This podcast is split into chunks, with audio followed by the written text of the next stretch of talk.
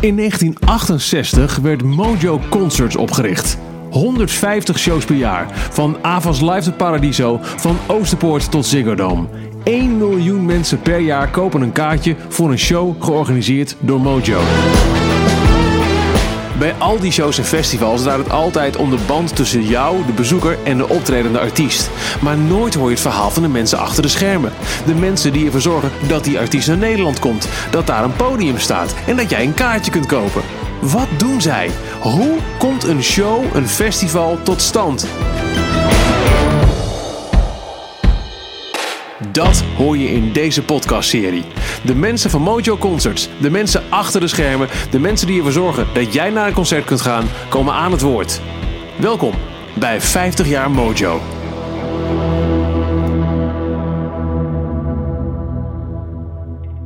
Hey, welkom bij een nieuwe aflevering van de 50 jaar Mojo podcast, waarin ik in elke aflevering praat met kopstukken van of mensen achter de schermen bij Mojo Concerts. De hoofdpersoon in deze aflevering heb je al eerder gehoord. Dat is John Mulder, een van de twee directeuren momenteel bij Mojo Concerts. Hij zit zo vol verhalen dat één aflevering niet genoeg bleek. En in deze aflevering gaat het eigenlijk maar over één ding. Iets dat illustreert dat er heel veel meer kan komen kijken dan het neerzetten van een concert of het verkopen van kaartjes bij het werken bij Mojo.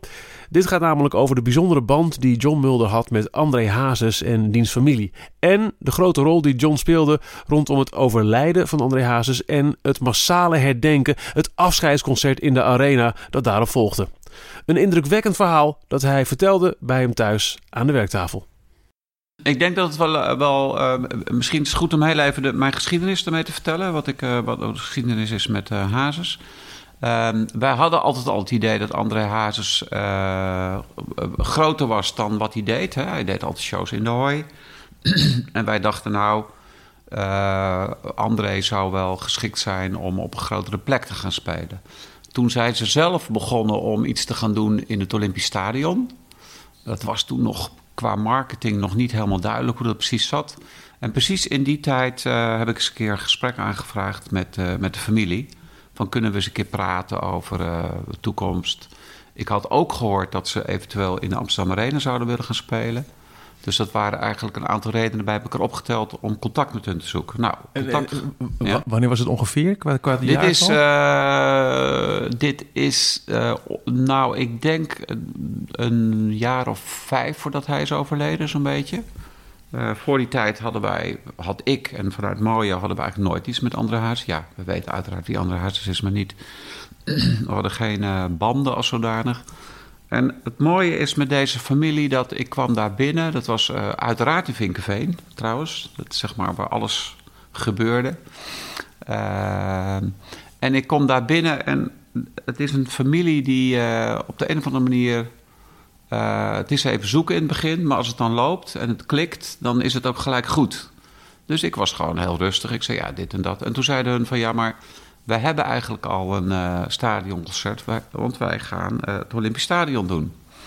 En uh, dat valt ons erg tegen qua werk en wat er allemaal bij komt kijken. En nou, er zijn grote uitdagingen. Dus heb ik gezegd, nou, waarom doen we het dan niet zo dat we dat gelijk aanpakken? En dan haak ik wel in en dan zien we wel. Nou, dat vonden ze een goed idee. Ehm, helemaal nog niet over een deal gehad of wat ook. Zeg, laten we eerst eens kijken waar jullie staan, wat we kunnen aanvullen. En eigenlijk ging dat allemaal helemaal soepel. En uh, daardoor uh, ontstond er een soort van band die uh, een soort van onvoorwaardelijk werd. Want dat, dat concert in het Olympisch Stadion, dat bleek nog een enorme kluif werk te zijn.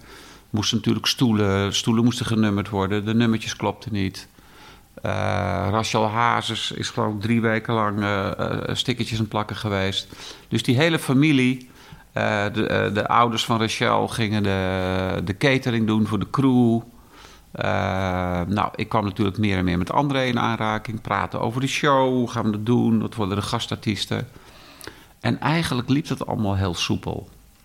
En ik had een heel raar businessmodel voor hun. Normaal hadden hun ehm, mensen die shows met hun deden, of ze deden het zelf of anderen. En ik weet niet hoe ze het allemaal precies deden, maar er zijn heel veel dingen fout gegaan. Uh, André was denk ik wel iemand die, uh, die heel vaak uh, pech heeft gehad in zijn leven met het kiezen van zakelijke contacten. En ja, ik zei, laten we gewoon heel simpel doen. Wij noemen dat bij ons in de business 80-20. 80%, voor de artiest, 20% voor de promotor. Na alle kosten. Dus we hebben gewoon alle kosten die er waren op één pot gegooid. Ook van de band, alles, alles, alles in één. En daarna hebben we het gewoon verdeeld. 80% voor hem, 20% voor ons. Dat was eigenlijk een hele simpele afspraak. En uh, ik weet nog goed dat we ook uh, de show deden, Olympisch Stadion. En dat ik maandagochtend voor 11 uur het geld heb overgemaakt naar ze. Nou, daar waren ze helemaal van flabbergasted. Dat hadden ze ook nog nooit meegemaakt. Ik zei, ja, maar ja, we hebben het toch afgesproken. Uh, dus toen zijn we het Olympisch Stadion gaan doen. Dat was, was, een, was een hele zware wedstrijd. Uh, want het was heel slecht weer die avond. Uh, ik moest wel erg wennen aan, aan, aan André, moet ik zeggen. De avond voor de show was hij ook niet in goede doen, zeg maar. maar ik ben daar wel gelijk vrij sterk, ik heb sterk op ingezet. Ik ben ook naar hem toegegaan de dag van de show. Ik zeg uh, had iets te veel uh, blikjes gedronken, als je begrijpt wat ik bedoel. Dus heb ik ook gezegd, ja, Dre, dat is allemaal wel leuk, maar ik werk me hier 80.000 keer de tandjes. En we hebben een gezamenlijke verantwoordelijkheid. Die heb ik niet alleen, die heb jij ook. Dus dat zie ik niet zitten. Dus of als we verder gaan met elkaar, dan doen we dat gewoon uh, gezamenlijk. Maar ik ga niet voor jou hier me helemaal honderd keer rond te werken en jij bent niet bij de les. Dat gaan we gewoon niet doen, want dan hoeft het voor mij niet meer, daar hou ik ermee op. Nou, ik denk dat dat een shock was voor hem. Dat ik denk nog niemand tegen hem gezegd. Dat was de dag van het concert? Dat was de dag van het concert. En, uh, maar niet op een vervelende manier. Hè. Het, het, klinkt nu misschien een beetje naar of een beetje stoer. Zo bedoel ik het helemaal niet. Ik meende het gewoon. En hij voelde ook dat ik het meende. Dus da daardoor ontstond er wel een soort van uh, respect, denk ik, onderling. Uh, nou, we hebben die show gedaan, allemaal goed gegaan. En het was zijn vurige wens om in de arena te spelen. Hè? De arena was natuurlijk fantastisch. Er was al een keer een aanbieding gedaan om in de arena te spelen. Van iemand. Uh, die had hem een vast bedrag aangeboden. Had hij nog bijna overwogen ook. Nou, dat was een bedrag, ik durf het haast niet te noemen. Dat was vrijwel niks. Maar dat was meer... André vond het fantastisch om dat te doen.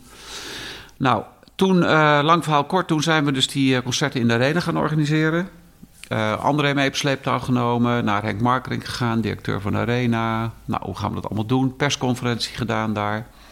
En uh, al gaande uh, die concerten en, en, en werd ik steeds meer in die familie opgenomen. Je hebt natuurlijk de, de documentaire die ooit gemaakt is over ze. Ehm, ja, het was natuurlijk ook een beetje cult ergens. En, en, en maar wel een eerlijke cult en een cult waar ik me wel bij thuis voelde. Uh, in die zin dat je als persoon werd opgenomen in, in, de, in de familie, bij wijze van spreken.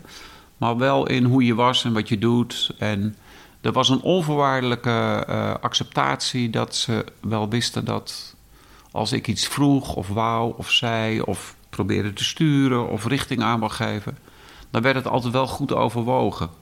Niet dat het mij om mij gelijk gaat of mij gelijk wou halen altijd, maar er was een hele. Uh, ja, het werd allemaal heel serieus genomen en, en, goed overwogen.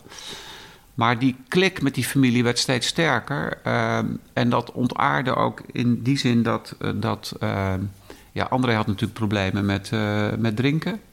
Dus die ging mij dan ook wel eens uh, s'avonds laten drinken. niet drinken, maar bellen. Dan was hij aan het drinken en dan belde hij mij. En dan, weet ik veel, dan zat ik gewoon, dan ging de telefoon om half twaalf s'avonds, om twaalf uur. Nou, André aan de lijn. Nou, dan toch wel in, in alle staten. En dat hij toch moeite had met zijn alcoholgebruik. En dat hij daar wel van af wou. En dat, het, en dat hij ook wel voelde dat het niet goed was. En dat is, is, is dat uh, uniek in, in, jouw vak? Dat, dat, of heb je er bij meer artiesten Nou, zo... ik heb wel... Ik heb wel ik heb wel bij een, een, een, een, een aantal andere Nederlandse artiesten uh, een dusdanige band dat, in, dat als er heftige zaken in de privésfeer zijn, dat dat wel besproken wordt, ja. Of dat daar wel uh, dat daar getoetst wordt en, en gekaatst en, en, en er is een probleem en hoe kan dat? En, en soms zijn die problemen wel of niet terecht veroorzaakt door derde partijen. Dat komt natuurlijk heel vaak voor hoe bekender je bent, hoe meer rare mensen er op je afkomen. Waar je helemaal niets mee te maken hebt, maar je moet er wel iets mee. Maar in dit geval, met André was het wel echt gewoon echt zijn ding, zijn persoonlijke probleem in zijn leven. Dat is alcoholgebruik. Ehm, nou ja, en, en, en dan ging hij mij maar bellen en kunnen we daar dan, uh, hoe moet dat nou? Nou, toen heb ik gezegd, nou, ik wil het wel serieus oppakken voor je, maar dan moet je dat wel willen. En dan moet je er ook in meegaan, want anders ga ik het niet doen. Nee, dat was allemaal prima. Dus ik heb een uh, vriend van mij, is huisarts. We zijn op zoek gegaan naar een privékliniek. Ergens in het oosten van het land, tegen de Duitse grens aan. Ik weet even niet meer waar. Een echte specifieke privékliniek, helemaal buiten de media en alles. Dat is natuurlijk altijd een element bij dit soort mensen. Nou, allemaal gedaan, allemaal geregeld, alles opgelost. En André zou daar naartoe gaan en die zou in een soort van rehab, zoals dat zo mooi heet, gaan werken aan zijn uh, alcoholsituatie. Nou, lang verhaal kort, hij is niet gegaan. Hij heeft afgehaakt een dag van tevoren. Dus dan heb, ik was des duivels. Dus dan heb ik hem gebeld. En dan heb ik hem echt heel. Ik zeg: luister, wij kunnen dingen doen. Uh, we kunnen het best met elkaar vinden. Dat is prima. We kunnen het hebben over shows. We kunnen shows gaan doen. We kunnen over je muziek praten, over platen, over je toekomst. Dat vind ik allemaal prima. Maar nooit, nooit, maar dan ook nooit meer bel mij over een probleem met je alcohol. Ik wil er helemaal niks mee te maken hebben. Je zoekt het maar uit, maar je hoeft ook nooit meer te bellen. Ik ben helemaal klaar met je. En het rare is dat juist door die duidelijkheid, dat accepteerde hij ook. Dan zei hij, nee, nee, ik begrijp het. dit, Oké, dit is een probleem wat we hebben gehad, dat stallen we. En hij heeft ook nooit meer gebeld. Uh, althans, niet, natuurlijk vaak gebeld, maar niet over, over, nee, niet, over dat vermeende probleem. Nee. Ja. Maar was, het is wel bijzonder op zichzelf natuurlijk. Was het probleem weg? Nee, het probleem was niet weg. Nee, nee zeker niet. uh, maar... Stond dat een, een, jullie zakelijke relatie dan niet meer in de weg? Nee, helemaal niet. Dat is het mooie bij die familie, denk ik, of bij, bij die mensen. Dat als die band sterk is, dan is die zo sterk dat zo'n uh, situatie die ontstond, we moeten het ook niet groter maken dan het is. Hij had een probleem, hij belde mij, ik heb het voor hem opgelost. Hij is er niet op ingegaan, ik heb hem daarop aangesproken. En ook gezegd dat ik me daar nooit meer over lastig hoefde te vallen. Want dat toch geen zin heeft, omdat hij niet uh, presteert daarin. En die band was wel zo sterk op dat moment dat dat ook geaccepteerd werd door hem. En door mij ook. Dus het was verder klaar. We hebben er ook nooit meer over gehad. Nooit. Dus ja, dat was zo dat we deze keer ja, je weet het, hè, dat is verder jouw probleem nu. En dat was ook goed, ja, ja, dat weet ik. Dus zo, ging dat een beetje. Dus, uh, nou, toen zijn we dus verder gegaan. Uh, toen hebben we in de arena een paar keer uh, concerten gedaan. Uh, in, overdwars, dus niet op de korte kant van de arena, maar overdwars. Zodat, het, zodat de mensen wat dichterbij zaten. Dat was, dat was eigenlijk fantastisch. Dat was voor André ook goed, want dan kon hij het beter behappen. Um, ja, en toen is hij natuurlijk zo langzamerhand last gekregen van zijn oren. Dan kreeg hij echt last van, van ja, kreeg hij gehoorproblemen. Hij was natuurlijk lichamelijk al niet sterk. Um, maar het, het, gehoor werd echt een probleem. En toen deden we een keer een show in de arena. En uh, tijdens de show werd dat, was het zo'n probleem voor hem, dat gehoor, dat hij kon, hij, het ging gewoon niet meer. Dus het podium is die afgelopen. Ging hij in zo'n kleedkamertje zitten aan de zijkant met Rachel. En toen zei hij, ja, het gaat niet meer, ik kan niet verder spelen. Nou, we natuurlijk er alles aan moeten doen dat hij weer opging. De band heeft geloof ik een kwartier lang een medley gespeeld, want de andere was zoek. Nou ja, goed. Voor het publiek was het verder prima hoor. Toen is hij weer opgegaan en heeft de show afgemaakt. Maar dat gehoor was echt een heel groot probleem. Dus toen hebben we bedacht om, uh, ik geloof op 23 september was dat, het jaar daarop, uh, hadden we bedacht om dan André uh, nog één keer in de arena te doen. Met allemaal gastartiesten. Met, met, met film ook en met videobeelden. Hij was niet meer in staat door zijn gehoor om zelf volledig te zingen. Maar dan zouden dat met anderen zijn in duetten. Dat zouden we ook een publiek kenbaar maken. daar hadden we allemaal hadden we plannen over ge gemaakt. En het moment dat we dat concert zouden doen, 23 september, en precies een jaar daarvoor, precies op die, toen is hij overleden. Dat is ook weer. Ik heb... Was het op publiek gemaakt, het concert, of was het uh, voor de. Nou, dat concert moest nog plaatsvinden. Ja, natuurlijk, maar, maar, ook de, de, de, aankondiging? Nee, die was nog niet publiekelijk. Okay, nee, want... Maar ik heb zulke rare dingen met hun meegemaakt. Ik ben met hun een keer. Uh, nou, Amerika vonden ze leuk. Nou, ik kwam daar veel. Ik moest voor mijn werk naar New York. En hun vonden Las Vegas leuk. Ik ben daar vaak geweest om shows te kijken voor mijn werk. Dus nou, dat kwam zo allemaal bij elkaar. Dat ik zei, nou ja, goed, ik ben er toch. Lang verhaal kort. Wij gaan uh, naar New York en naar Las Vegas. De familie Hazes, uh, Sarit, iemand die toen de tijd bij uh, hun werkte. ik en geloof ik nog een kennis van hun of zo. Wij met z'n allen naar New York. En hun hadden het hotel geboekt. En dit is echt duizend procent waar, wat ik nu ga vertellen. Wij komen in een hotel, door hun geboekt. Nou ja, het was echt een... Twee sterren was zwaar overdreven, bij wijze van spreken. En uh, normaal heb je natuurlijk in een hotel, dat is altijd zo... Hè, je hebt de tweede verdieping, de derde verdieping... en dat gaat door tot en met net hoe hoog het gebouw is. In dit specifieke geval, dat is echt gebeurd, het is echt 100% gebeurd waren de verdiepingen met letters. Dus je begon met B, C, D, E, F, G, H. Je begint het misschien al te begrijpen. Wij checken in. Ik word gebeld door Rachel. Die zegt, je moet naar onze kamer komen. Je gelooft het niet. Je gelooft het niet. Ik daar naartoe. En welke kamer hadden ze? Verdieping H, kamer 6. H6. Dat is echt gebeurd. Dat is ongelooflijk. en dat is wel dat is ook wat het altijd zo leuk heeft gemaakt bij hun. Er gebeuren altijd gekke dingen. Maar ook heel veel humor. Ik heb, nou, ik heb onder tafel gelegen met die mensen van, van, van de humor. Dat is fantastisch. En Dre was natuurlijk wel, uh, André was natuurlijk wel... Dat hotel was zo verschrikkelijk, daar moesten we weg. Dat kon gewoon echt niet. Dus dan hebben we s'avonds laat heb ik nog een, uh, geloof een Sheraton geboekt om de hoek. Want André trok dat niet. Het was ook echt zo'n hotel waar je denkt, ik moet mijn sokken aanhouden... want al die beestjes die springen anders uh, tussen mijn tenen. Dat was echt heel erg. Dus nou, wij gingen verkassen. En dat was ook weer hilarisch. Dan komt het dus allemaal naar beneden toe. Ik zit in de lobby, ik had een hotel geboekt. Vier, vijf blokken verderop. Komt Rachel naar beneden met twee hele grote rolkoffers. En André. Nou, en, uh, nou ik zeg, nou ja, ik loop wel voor jullie uit, gaan we naar het hotel. Dus uh, André loopt naar buiten. En die wacht op straat. En uh, Rachel staat daar met twee hele grote rolkoffers. Van ja, hoe moet dat nou? En ik denk, oh ja, zo werkt het dus. Dus meneer gaat lopen en ik kan zijn koffer duwen. Nou, dat gaat echt niet gebeuren. Dus Rachel wil die twee... Ik zeg, ik ga die koffer niet duwen. Ik heb er niks mee te maken. Dus Rachel wil die twee koffers gaan duwen. Ik zeg, nee, wacht maar even. Dus ik naar buiten toe. Ik zeg, Dre, er staat nog een koffer binnen. Koffer binnen? Ik zeg, ja. Ik zeg, ja, ik weet niet hoor. Kunnen hem ook laten staan, dat maakt mij niet uit.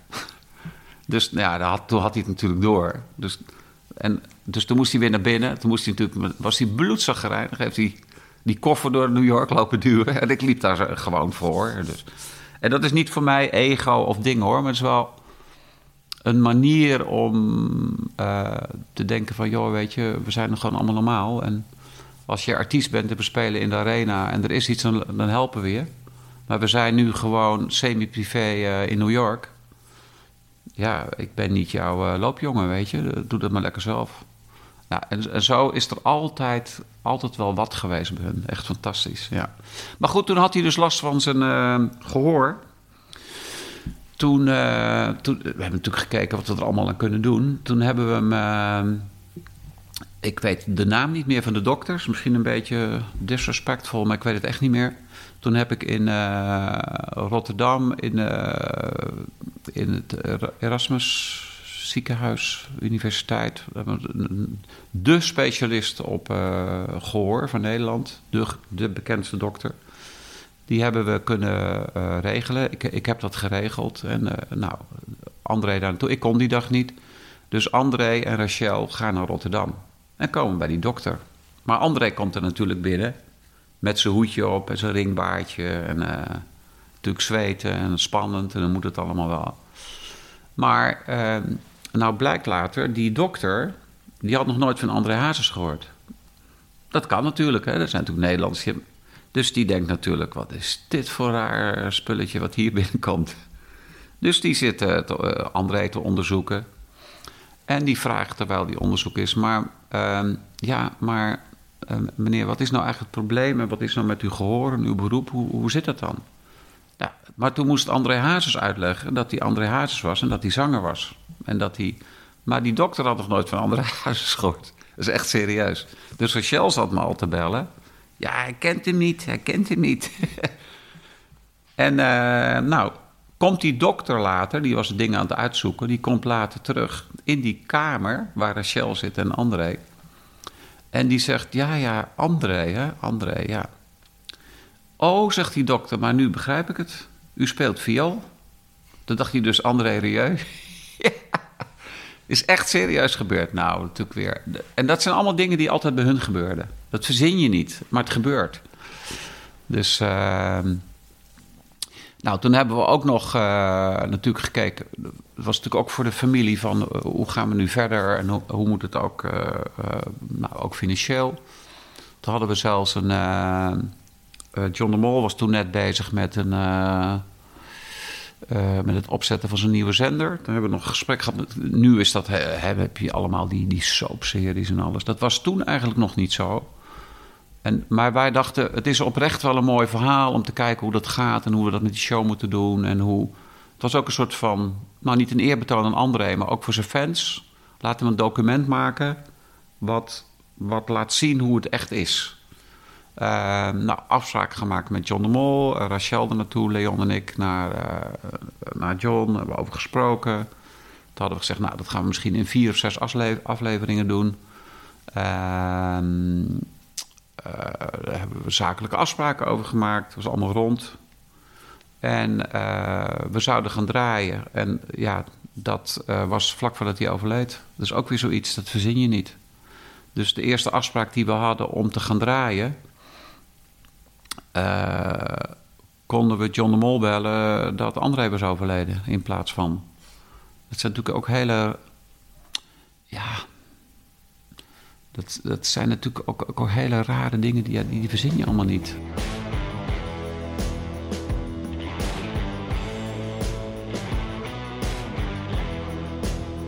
Als ik mezelf zou moeten omschrijven wat ik voor hun was, dan zou ik me meer vertrouwenspersoon uh, noemen. Ja. Ja, ik heb, als ik vrienden, dan, dan dat, dat, niet om, om dat af te zwakken, maar onder vriendschap eh, versta ik gewoon een aantal hele goede vrienden die ik zelf het is, heb. Het is ook meer... Dus het is natuurlijk een combinatie van werk, ja. cult, uh, maar ook respect en, en veel humor met elkaar. Maar ook heel veel serieuze, grote, zware problemen met elkaar bespreken. Dus ik denk meer uh, minimaal heel vriendschappelijk, ja, dat klopt. Maar echt vriend, vriend. Uh, nou, het, ja, met echte het vrienden aan, aan beide dingen. partijen. Om de, Ja. om en Ja. daar gaat het niet zozeer om. Het, ik voel, wat ik me afvraag is... eh, eh, het, het overlijden van André Hazes. Wat deed dat met jou persoonlijk? Ja. Nou, ik, ik kan daar wel wat over vertellen, maar ik, ik, het heeft er ook heel erg mee te maken wat er toen gebeurd is in die week. Dus misschien wel goed om daar nu wat over te vertellen. Ehm, want André was al een paar keer eh, opgenomen geweest in, in dat jaar. Nou, ging ik ook wel naar het ziekenhuis, hè, zo was de band al wel, ging daar even eh, langs. En ehm, ik was voor mijn, eh, ik heb die, die barriers ooit ontwikkeld, dus ik was voor het barrierbedrijf in Amerika zakelijk. En toen kreeg ik een telefoontje. Ja, Dre is niet goed geworden. En André is opgenomen in het ziekenhuis. Oh, oké. Nou ja, sterkte. Nou, een paar uur later weer een telefoontje. Ja, het, is wel, het gaat niet zo heel goed. Eh, toen kreeg ik Rachel aan de lijn. En Sarit, eh, die toen de tijd eh, werkte bij Melvin Producties... waar ik een hele goede band mee had en heb... die belde me ook. Die zegt, John, ik weet het niet. Ik vertrouw het niet. Ik, het voelt niet goed. Het is anders dan anders. Oh, oké. Nou, dat, die telefoontjes werden steeds heviger. En op een gegeven moment eh, belde Sarit mij. Die zegt, John, het gaat echt niet goed. Het gaat echt niet goed. Kan je komen? Zei, nou ja, eh, weet ik veel. Dus ik ben even gaan zoeken, vluchten geboekt. Ik zat ergens in Noord-Amerika. Vlucht geboekt via New York. En ik zou dan New York en dan tussenstop en naar Nederland. Dus, nou, ik zeg, kom er wel aan. Ik dacht, nou, dit is wel serieus. Maar ja, ik, ik ben geen arts, weet ik veel. Dus eh, tussenlanding in New York weer met Sarit gebeld natuurlijk. En Sarit zei, ja, hij is, hij is helemaal weg. Hij is in coma. Ik vertrouw het niet. Het, het voelt niet goed. Het is niet goed. Ik zei, nou, weet je wat? Ik eh, ben in New York. Ik, ga, eh, ik vlieg nu naar huis. Als ik thuis ben, dat doe ik altijd als ik uit New York kom om de jetlag te overbruggen. Ga ik even drie uurtjes slapen, koude douche en dan kom ik naar het ziekenhuis. Dus ik ben er om een uur of elf, twaalf morgenochtend. Oké, nou heel fijn, prima, dankjewel, bla bla bla. Nou, ik kom aan in Nederland, ik ga naar huis. Ik, ik stap letterlijk mijn bed in en ik ga liggen. En op dat moment gaat de telefoon al.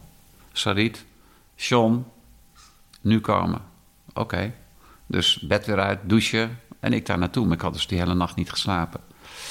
Ja, en wat ik toen aantrof was eigenlijk verschrikkelijk. Want eh, ik natuurlijk eerst even praten, kijken, bij Dree geweest. Gesprekken aangevraagd met artsen. En ik had wel door dat het gewoon helemaal uh, fout was en mis was. Ook natuurlijk na de gesprekken met de artsen. Die zeiden ook, ja, hij is, uh, hij is natuurlijk al een, hele tijd buiten Westen geweest. Problemen met de organen. Het gaat eigenlijk heel slecht. Het is maar de vraag hoe dit af gaat lopen. Nou, oké. En in die dag eigenlijk is... Uh, ik ben de hele dag daar gebleven en werd hij steeds slechter. En dat ging met hele harde stappen achteruit. Uh, en ja, het is misschien een heel raar verhaal, maar ik kan het wel vertellen. Dus in de loop van de avond uh, werd het eigenlijk wel steeds duidelijker dat het, dat het heel, heel slecht ging. er kwamen ook al pers bij kijken. Ik heb toen security mensen gebeld. Ziekenhuis, stukken afgesloten. Ongelooflijk goede medewerker gehad met het ziekenhuis. Die hebben ook een stuk van de gang afgesloten. Ik zei, ja, ik moet een kantoor hebben. Ik, dit, dit, dit gaat iets worden. Dus ze hebben een uh, kantoor voor me ingericht, kamer ontruimd, kantoor, mochten we exclusief gebruiken. Dat klinkt nu allemaal heel simpel, maar dat is natuurlijk in zo'n omstandigheid. Er ligt wel iemand uh, ook die uh, in, naar mijn ogen op dat moment op sterven lag. Dus dat is wel makkelijk gezegd, maar dat is natuurlijk wel gewoon heel heavy. En toen heb ik samen, ik dacht al, we moeten hierop, we moeten hierop anticiperen, want als het moment daar zou zijn en komen, dan uh, gaat er wel iets gebeuren. Ik had nooit gedacht dat het zo zou exploderen zoals het gebeurd is. Dat wisten we toen op dat moment natuurlijk niet. Toen heb ik uh, Jan, Willem, Jan Willem Luik gebeld. Die was toen uh, hoofd marketing bij Mojo. Die is nu directeur van Noordzee Jazz bij ons. En ik heb Jan Willem gebeld. Jan Willem, je moet naar Woerden komen, naar het ziekenhuis. Want ik ben hier bij de familie Hazes, het gaat niet goed. En we moeten een persbericht maken. Nou, dat was voor Jan Willem natuurlijk ook shocking om in zo'n situatie te komen. Uh, en toen heb ik eigenlijk met Jan Willem gezegd: we moeten een persbericht maken. En bovenaan staat: André Hazes is dood. En ja, dat is natuurlijk nu, als ik het achter. Je vroeg net ook: wat doet dat met je? Dat, als ik het nu vertel, doet het nog steeds wat met me. Want dat was eigenlijk het eerste moment ook voor mezelf dat ik dacht: van dit is wat er gaat gebeuren. Dus het was, natuurlijk ook heel confronterend. Toen hebben Jan Willem en ik uh, een persbericht gemaakt. Uh, waar eigenlijk in stond dat André Hazes was overleden. En, en, en, en, nou, en hoe en waarom. En nou ja, wanneer was natuurlijk onduidelijk. Maar zodat we dat persbericht klaar hadden op het moment dat het zover was. Achteraf gezien is dat heel goed geweest dat we dat gedaan hebben. Want dat hadden we ook hard nodig. Daar kom ik zo op terug. Maar het was natuurlijk heel raar, want ik, moest, ik kon natuurlijk niet in die. Ik had weliswaar die vertrouwensband met die familie, maar ik dacht, ik kan niet dit uh, bedenken zonder dat ik Rachel daarin ken. Dus toen heb ik Rachel apart genomen en in de kamer uh, apart genomen. Later met Jan Willem erbij ook. We hebben met z'n drieën gezeten. Ik zei: Ja, Rachel, ik, we gaan het over de keiharde werkelijkheid hebben. Dat als dit gebeurt. En dat op de een of andere manier is Rachel een survivor, een overlever die zei ook van ja, ik, ik, ik begrijp dat dit moet. En toen hebben we dat eigenlijk. Uh, hebben we de emoties even moeten uitschakelen en hebben we dat, dat persbericht eigenlijk gemaakt. Natuurlijk heel, heel raar is. Nou, Jan Willem uh, in de loop van de avond weer naar huis. het ging steeds slechter met André, dat was wel duidelijk. Familie erbij gehaald die nog afscheid konden nemen. Um, toen ben ik heel even naar huis geweest, twee uurtjes of zo. Even gedoucht en weet ik veel. Toen was ik s ochtends om zeven uur weer in het ziekenhuis. De volgende ochtend weer.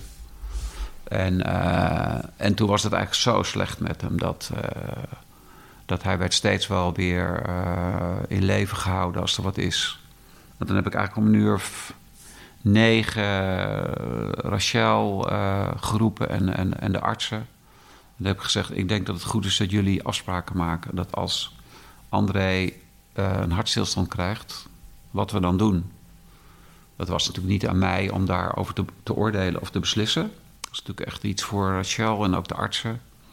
En toen hebben we, dat is het onvoorstelbaar verhaal, toen hebben we dat eigenlijk besproken en uh, Rachel ook besloten, ook met volle bewustzijn. Want het was al duidelijk dat, dat hij nooit meer wakker zou worden. En toen, uh, ik, ik denk dat, ik kan dat nu ook wel vertellen, omdat het zo lang geleden is. En omdat ik ook wel weet dat Rachel dat niet erg vindt dat ik dat vertel. Dus ik zal niet alle details vertellen, maar wel een beetje. Uh, en toen, uh, op het moment dat we dat eigenlijk besloten hadden, toen ging het weer verder mis. En toen kwam er een zuster die zei: Jullie moeten onmiddellijk komen. En ehm, toen zijn we naar zijn kamer gegaan en een kwartier later was hij overleden. Ja. Ja, eigenlijk heel raar om te vertellen, omdat ik het eigenlijk nog nooit zo verteld heb dat ik er zo bij was. Ik heb het wel eens gezegd tegen mensen of zo, maar het is natuurlijk wel een. Uh, ja, een stuk heel dubbel, hè? Omdat je natuurlijk daar. Uh, je bent daar vertrouwenspersoon, je komt in die situatie, je bent erbij als iemand overlijdt. Uh, dat is deels privé, dat is familie. Het is ook een bekende zanger. Er zijn ook allerlei belangen die eromheen spelen.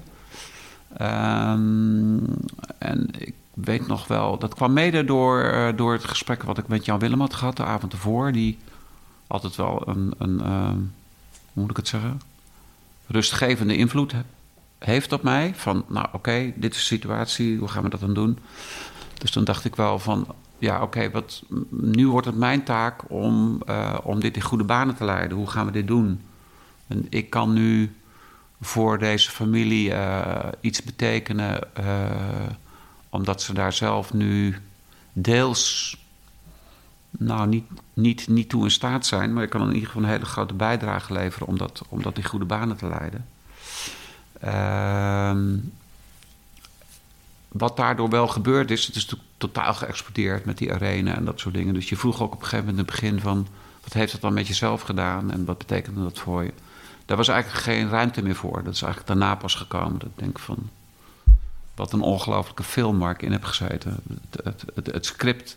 We gingen een film maken, maar we hadden geen script. En, maar we hebben hem wel gemaakt. Eigenlijk een beetje in die sfeer, denk ik. Nou, dus toen... Uh, nou, en, maar inmiddels was natuurlijk, hadden wij nog steeds het idee van we moeten de pers buiten de deur houden, want we willen dit op onze manier en op onze tijd naar buiten brengen. Dus toen, uh, nou, Jan Willem onmiddellijk gebeld, allemaal naar de zaak, allemaal klaar zitten. We gaan om twaalf, dit was s ochtends om een uur of negen, kwart over negen. Om twaalf uur gaan we ermee naar buiten. Nou, toen moest natuurlijk Rachel van het ziekenhuis naar huis, want de kinderen wisten nog niks. Er stond allemaal pers buiten. Nou, allemaal toestanden. Dus toen heb ik geregeld met het ziekenhuis dat ik mijn auto in de, uh, uh, in de, waar de ambulances naar binnen rijden. Ik, kon ik daar mijn auto in rijden. Rachel op de achterbank, deken over Rachel heen. Ja, dat soort dingen. En dat klinkt nu allemaal simpel, maar er zijn natuurlijk allemaal dingen die, die verzin je niet, die bedenk je niet, daar sta je niet bij stil. Maar die moet je, dat was constant schakelen, schakelen, schakelen. Dus ik met mijn auto daar, die, uh, die, die, die ambulance in- en uitgang weer uit. Nou, ging er ook weer een auto achter me aanrijden van de pers. Dus ik met bloedspoed, nou, die zijn, die zijn me kwijtgeraakt. En ik naar huis, naar hun huis. Daar stonden ook al mensen. Heel vreemd, maar er was al gedoe en er was al iemand van de pers. Nou, wij naar binnen. Maar de kinderen moesten. De kinderen waren bij, uh, uh, bij Marieke, een, een, een, een, vertrouwensrelatie en vriendin van Rachel waar de kinderen ook al vaker waren. Dus Marieke gebeld, ja, de kinderen, nou, de kinderen in de auto, de kinderen deze kant op. Maar op de een of andere manier is het uitgelekt. En ik heb altijd het, uh, dat is een Engels woord, suspicious heet dat. Het Nederlandse woord weet ik eigenlijk geen eens. Verdenking? Ja, verdenking, ja, verdacht. Ik heb altijd uh, gedacht toen, die ochtend, als ik het later allemaal terughaal, dat op de een of andere manier moet ik afgeluisterd zijn. Dat kan niet anders, want er kwamen dingen naar buiten die kon niemand weten. Maar goed, dat is misschien mijn rare gedachte. Dus uh, kinderen gingen bij Marieke in de auto. En toen is het op de een of andere manier uitgelekt. En toen zou, toen zou het om 11 uur eh, op het nieuws komen. Daar werden we over getipt. Dat was om uh, tien, tien voor elf of half elf, kwart, ik weet niet meer precies. Dus toen nou, Jan Willem gebeld, want hebben we onmiddellijk dat persbericht eruit moeten doen. Terwijl de kinderen in de auto zaten bij Marieke onderweg naar Rachel, zodat Rachel aan de kinderen kon vertellen dat hun vader was overleden. Dat is natuurlijk een heel heftig verhaal. Terwijl ik Marieke moest bellen onderweg, nu de radio uitdoen. Nu, ja, maar nu de radio uit. Want het was bijna 11 uur. Ik denk, zo meteen hoor die kinderen op de radio uh, dat hun vader is overleden. Nou klinkt het allemaal een beetje koud hoe ik het stel misschien. Zo bedoel ik het niet, maar het is, dit waren wel de feiten waar we in zaten. Nou, dus de, de kinderen zijn gekomen. Rachel heeft uh, uiteraard de, de kinderen in, uh, ingelicht. En, en in de loop van de middag werd het, uh, werd het maar groter en groter. En die, ze woonden in de, in de Hollandse kade, geloof ik, in Vinkenveen, als ik me goed herinner.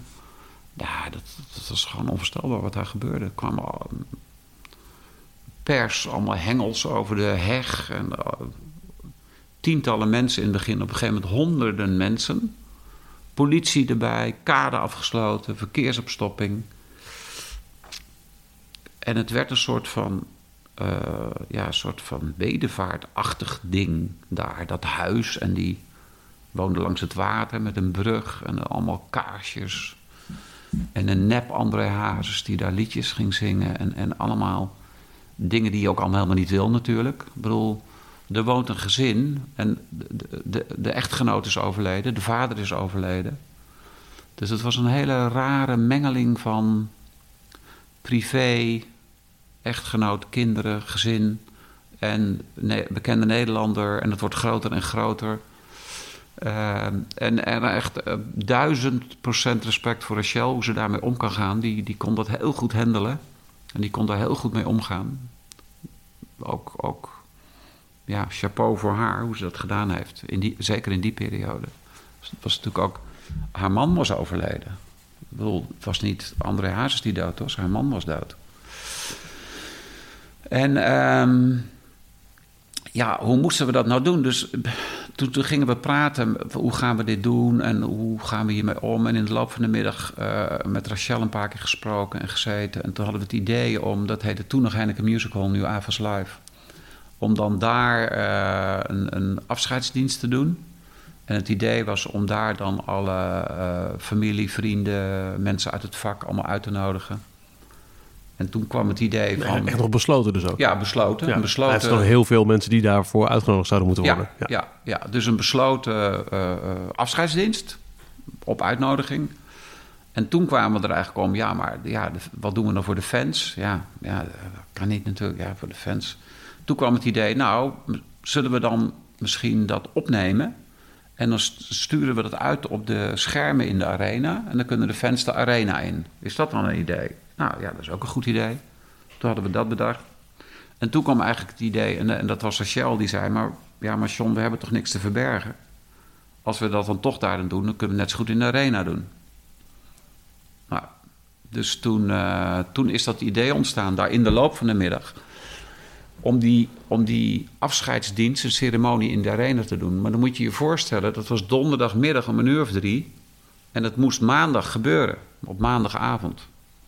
Dus we hadden nog, uh, nog minder dan 100 uur om dat allemaal te doen. Ja, het is natuurlijk ondenkbaar of krankzinnig idee. Of...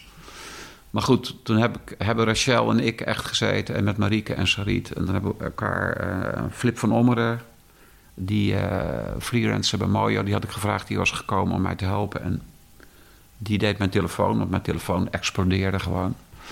En toen hebben we met elkaar gezeten en toen hebben we gezegd: Nou, weet je, uh, we gaan het gewoon doen. En we zien wel. Maar goed, er moesten natuurlijk eerst een aantal dingen afgekaart worden. Dus ik heb eerst uh, Henk Markering gebeld uh, van de Arena. Henk, dit is de situatie. Doe je mee? En die zei gelijk onvoorwaardelijk, alle medewerking. We zetten alles aan de kant. We hebben wel op zondagmiddag voetballen, maar je kan maandag terecht. Ik zei, ja, we moeten er zondagavond al in. Moeten geluid en licht. En het is natuurlijk een groot, groot gebouw. Uh, en het volgende telefoontje was naar Ine van Brenk. Die was toen de tijd uh, veiligheidscoördinator van de gemeente Amsterdam. Uh, werkte ook rechtstreeks onder Job Cohen. En die kende ik heel goed. Dus ik zeg, Ine, dit is de situatie, dit is wat we willen gaan doen.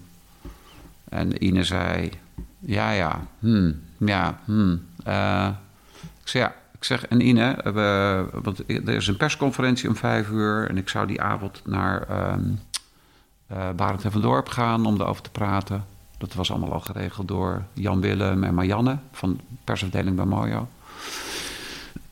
ik zeg, en ik, moet het weten of, of dat goed is. En ik moet bestuurlijke uh, uh, draagkracht hebben voor jullie. Moet. En niet een beetje, alles, full mond, die 100%, anders krijg ik het nooit van elkaar. Zij zei, ja, ja, maar dat moet ik er echt met Job overleggen. Ik zei, ja, nou, dan ga je dat doen. Niet dwingend, maar die, die relatie was goed, dus het kon. Ze zeg, ja, maar ja, Job zit in de vergadering. Ik zei, ja, dus? Ze zegt, ja, ja, ik hoor het al. Nou, wacht maar even. Ik bel je zo terug. Dus die belde 20 minuten later terug. Doe maar wat je goed lijkt.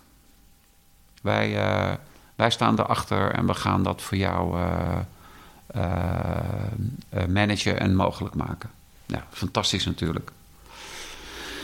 Dus ehm, toen hadden we eind van de middag een, uh, een uh, persconferentie in uh, de Plashoeve. Met, daar zat ook Niel van het Hof bij, die toen de tijd bij de platenmaatschappij werkte.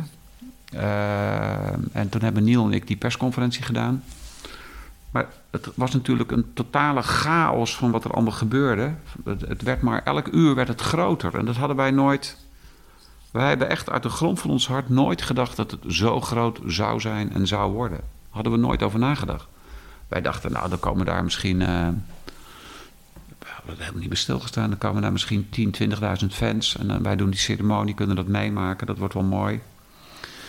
Uh, toen zijn Niels en ik, of Niel en ik, naar de Plashoeve gegaan. En toen kwam ik daar aan. Nou, ik viel van mijn stoel. Het was helemaal afgezet. Allemaal auto's en satellite-auto's. En en eh, bleek dus dat de hele Nederlandse pers was uitgelopen om daar die persconferentie te doen.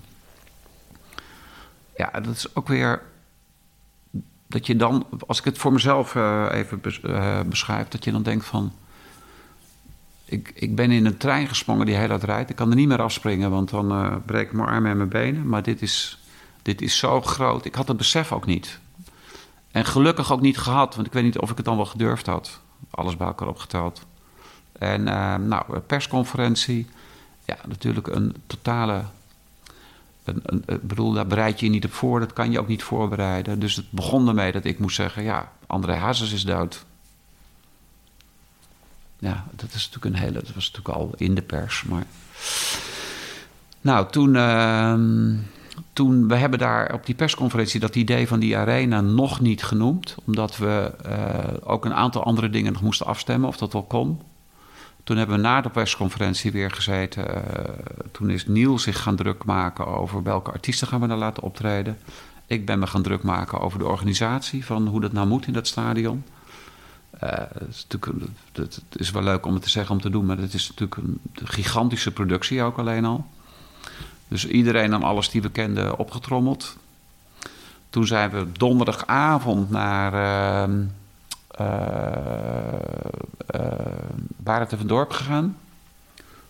En dat, die, die, een groot deel van die uitzending was ook ontruimd vanwege het feit dat André Hazes was overleden. Uh, en toen hebben we dat plan uh, bekendgemaakt om dan in de arena op maandagavond uh, dat te gaan doen. Onderweg dat ik naar, die, naar Baart en Verdorp reed, werd ik nog gebeld s'avonds om een uur of half tien door politie Amsterdam. Die zeiden, meneer Mulder, bent u helemaal gek geworden? Want ik weet niet wat u plan bent, maar dit kan helemaal niet. Want we zitten ook nog met een openbaar vervoerstaking die dag. Dus uh, dat, gaat, dat gaan we niet doen. Dat, uh, dat gaan wij niet doen.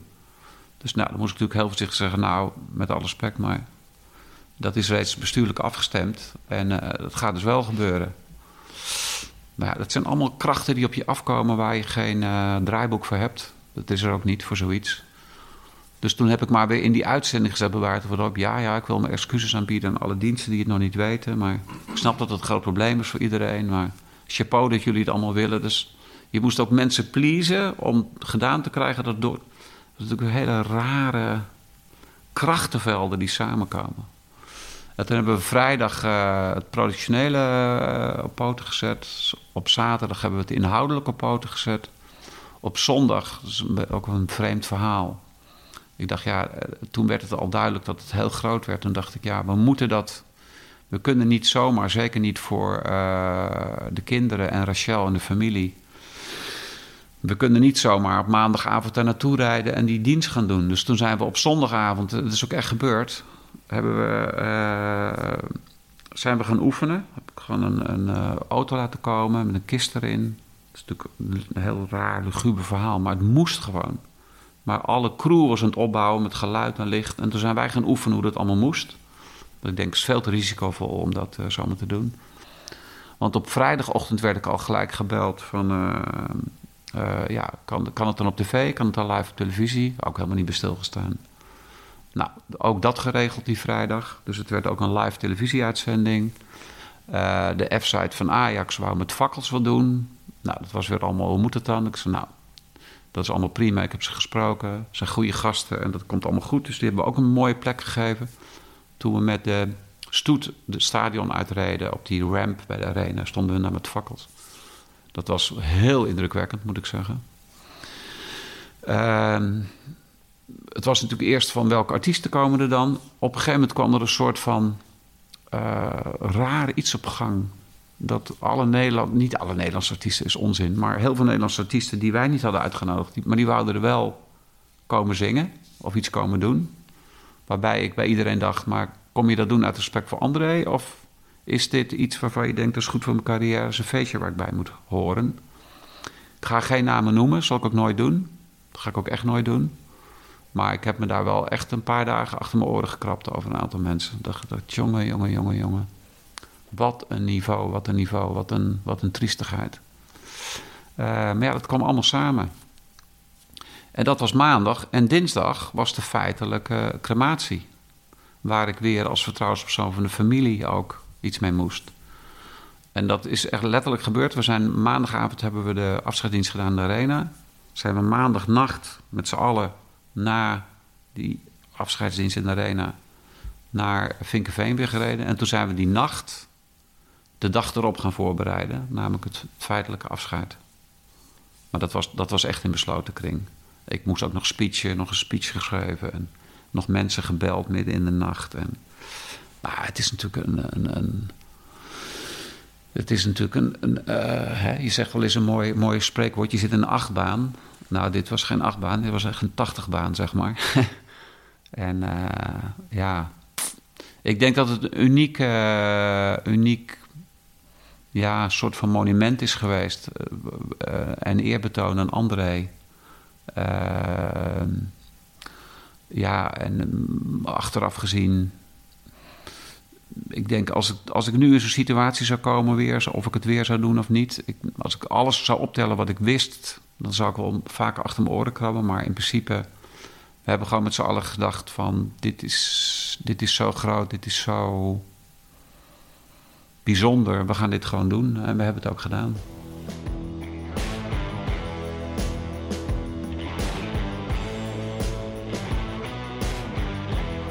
Ik merk wel, terwijl wij dit nu doen, dat, dat er momenten zijn dat het me erg raakt, moet ik zeggen. Uh, dus ik denk dat ik, als ik puur van mezelf spreek, dat er ergens nog wel uh, iets zit dat ik dat misschien niet verwerkt heb. Maar ik vind het ook wel zo Kijk, ik denk dat ook in Nederland zo'n emotie nog nooit op zo'n level is gedeeld. En, en, en, en ook die live televisieuitzending, geloof ik, 6 miljoen kijkers of zo. Ik weet het niet precies, maar zoiets. Het was echt. Staat geloof ik in de top. Ja, krankzinnig veel. Vijf van meest bekeken ooit, zoiets. Ja. Uh, en die collectiviteit en die, die, al die mensen ook bijvoorbeeld bij, bij dat huis, dat is ook iets wat ik nooit zal vergeten. Dat zijn ook denk ik wel dingen die, die uh, als ik het over heb, dat het me nog steeds wel zal raken, omdat het ook zo heel emotioneel was. Uh, nou, wat we gedaan hebben is dat met de familie en met een paar uh, hele close vrienden zijn we de, uh, de afscheidsdienst hebben we nog een keer met z'n allen gekeken in besloten kring. Om het een soort van Misschien niet om het af te sluiten, maar wel qua besef, wat hebben we nou eigenlijk gedaan? Want ja, dat ging allemaal. Er, was zoveel aan de hand die dagen. Ik weet nog dat we toen wij uh, van het ouderlijk huis. Ik had, ik had bedacht van laten we nou de, de, de, de, de rouwstoet... laten we André uh, met, met de volgauto's en een, een auto voor de bloemen en alles... die laten we dan ergens op de Vinkenveense kade een stuk voor het huis parkeren. Had ik een parkeerterrein, kon ik van iemand lenen. Dat allemaal neergezet en... Dat was ook een heel emotioneel moment. En we zouden dan dat was allemaal politiebegeleiding. En dat was, bij de woning moesten we allemaal zelfs mooie barriers bouwen. En overal politie. Want het was, was krankzinnig. Dus er kwam die stoet voorrijden. En toen waren er twee helikopters boven de woning. Van bladen. Bladen die je in de supermarkten koopt. Uh, en die kwamen daar eens even vrolijk uh, opnames maken. En dat was zo'n intimiderend. Alleen al die herrie en het feit dat ze dat. Want die wouden de rouwstoet helemaal gaan volgen naar, naar de arena. Dus toen moest ik weer bellen naar de contacten die ik heb. Ik zei: Ja, er hangen hier twee heli's boven het hoofd. Het kan tien minuten duren of het kan drie dagen duren, maar wij gaan niet weg hier. Dus zorg maar dat ze weggaan. Nou, dus heel hoog opgelopen. Dat is echt uh, via Schiphol. En de piloten uh, zijn gedreigd uh, dat ze hun vergunning zouden kwijtraken. En die zijn op een gegeven moment, nou, die zijn weer verdwenen. En toen zijn we pas het huis uitgegaan. Dat klinkt nu allemaal stoer, zo is het helemaal niet. Op dat moment is dat natuurlijk, die familie uh, staat in dat huis en, en, die, worden, en die, die zijn al helemaal opgejaagd.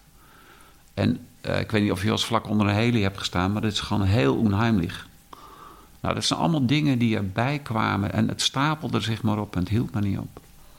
En toen, nou, en toen zijn we onder politiebegeleiding. En die, die tocht zal ik nooit vergeten. Dat we met die rouwstoet door Apkoude gingen en alles dingen. Op de snelweg. Dat ook op de snelweg uh, alle auto's, uh, ja, die stonden stil. Die, die, dan gingen wij daar rijden en iedereen ging stil. En, en dan kwamen we door het dorp heen op Koude. En dat was allemaal afgezet. En er stonden allemaal mensen te klappen. Het was, het was echt een, een, een, een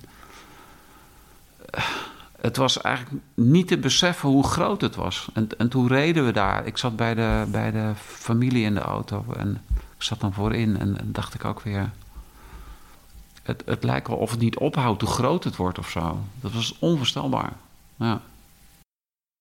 We hebben het heel veel gehad over uh, uh, het bijzondere afscheid, hele, ja. het, het, overlijdensproces en dat daarvoor ook qua gezondheid al niet goed ging. Ja. Ik wil toch uh, in, in de lijn van deze podcastserie aan je vragen: wat is het beste Hazes-concert? Het mooiste live moment dat je ooit met hem hebt meegemaakt? Uh, nou, wat, wat wel grappig is, hij, er kwam een plaat uit van André en toen ging het erover van uh, ja, welk ding en welk nummer. En toen, toen zei hij ook van, ja, wat vind jij dan? En toen, nou, gingen we al die nieuwe liedjes luisteren. En toen zei ik, nou, ik vind by far uh, Bloed, Zweet en Tranen fantastisch. Uh, artiest eigen was hij natuurlijk onzeker over dit soort zaken. En ik zei, ja, maar bloed, zweet en tranen, ach vrienden, rot nou maar op. Al die, uh, die teksten en, die, die, en, en dat... Ik zei, ja, dat, dat is volgens mij de ultieme hit van de plaat. En uh, mede daardoor dat, is dat ook zo toen uitgekomen. En dat is een single geworden. Dus voor mij was het wel bijzonder bij die concerten. En zeker de eerste keer in de arena, de allereerste keer in de arena. En dat daar dan 35.000 mensen en dat hij dat nummer ging zingen. En dat 35.000 mensen dat volle borst meezingen. Dat vond ik dan, als je het aan mij vraagt, vond ik het meest bijzondere moment. Ja. Wat ik trouwens nog steeds een fantastisch nummer vind. En tot zover alles wat er te vertellen valt over een van de meest bijzondere momenten uit de Nederlandse muziekgeschiedenis. Het grote afscheid van André Hazes, verteld door een van de mannen die er dichtbij was. Misschien wel dichterbij dan wie dan ook, John Mulder. Tot zover ook deze aflevering van de 50 jaar Mojo podcast. Elke twee weken is er een nieuwe waarin ik praat met kopstukken van en mensen achter de schermen bij Mojo Concerts. Niks missen. Volg deze podcast dan op Spotify of abonneer je erop in je favoriete podcast app. Tot over twee weken.